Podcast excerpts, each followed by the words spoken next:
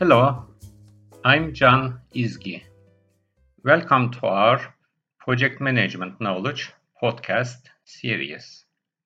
In this podcast, I'll explain some brainstorming tips for identifying project risks. In order to figure out the project risks, an efficient method is to conduct a brainstorming session. This way, multiple ideas are quickly generated. However, there are some difficulties with using this method to identify risks. There are four problems seen very often. First, the right people aren't there. Second, the focus is weak. Third, only one person is talking and the rest are listening. And fourth, the ideas are shut down too soon. Now I'm going to explain these in detail. Let's start with the first one. Why is it important that the right people are in the meeting? The success of a brainstorm depends on bringing in the proper mix of participants. If key stakeholder perspectives are left out, hidden risks can be overlooked. That's why it's important to invite the right people to the meeting. What can we do? Identifying all of the project stakeholders carefully will help us. Before the meeting, we should go through the stakeholder list and decide about the participants.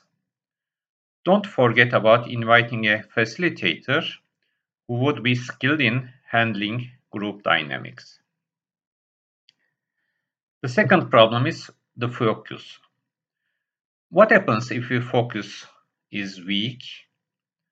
Of course, in this case, the meeting won't be productive. In order to prevent this problem, think about before the meeting why the focus would be The reasons can be the meeting being too long, a specific goal isn't present, the meeting organizer isn't using a specific theme and sticking to it, and so on. If the meeting is related to project risk management, then the meeting request should emphasize it. For example, the title of the meeting request can be Project Risk Workshop. This way, the meeting participants know that they are expected to focus on the task at hand. The third problem I mentioned is only one person is talking and the rest are listening. As we already know, the attitude of each person is different.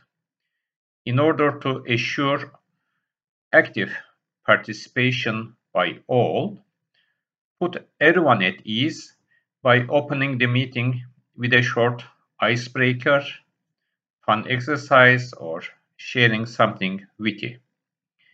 You can ask each participant a question related to the daily life instead of the workplace, for example.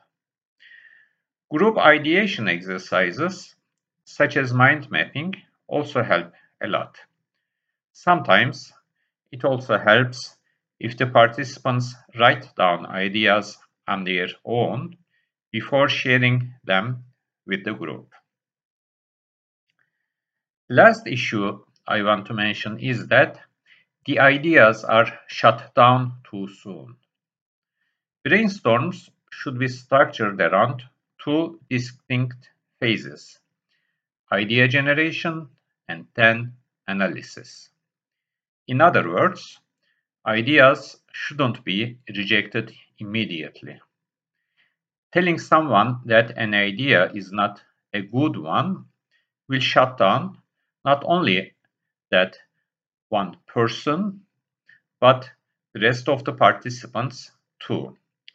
Reiterate the goal of the session whenever needed and remind the participants that analysis comes after idea generation. At the judging phase, weigh all ideas equally. This is all I want to say. I wish you productive meetings. If you'd like to learn more about project management, you can attend our related courses.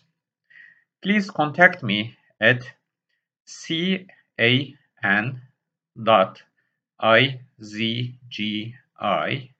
at gmail.com.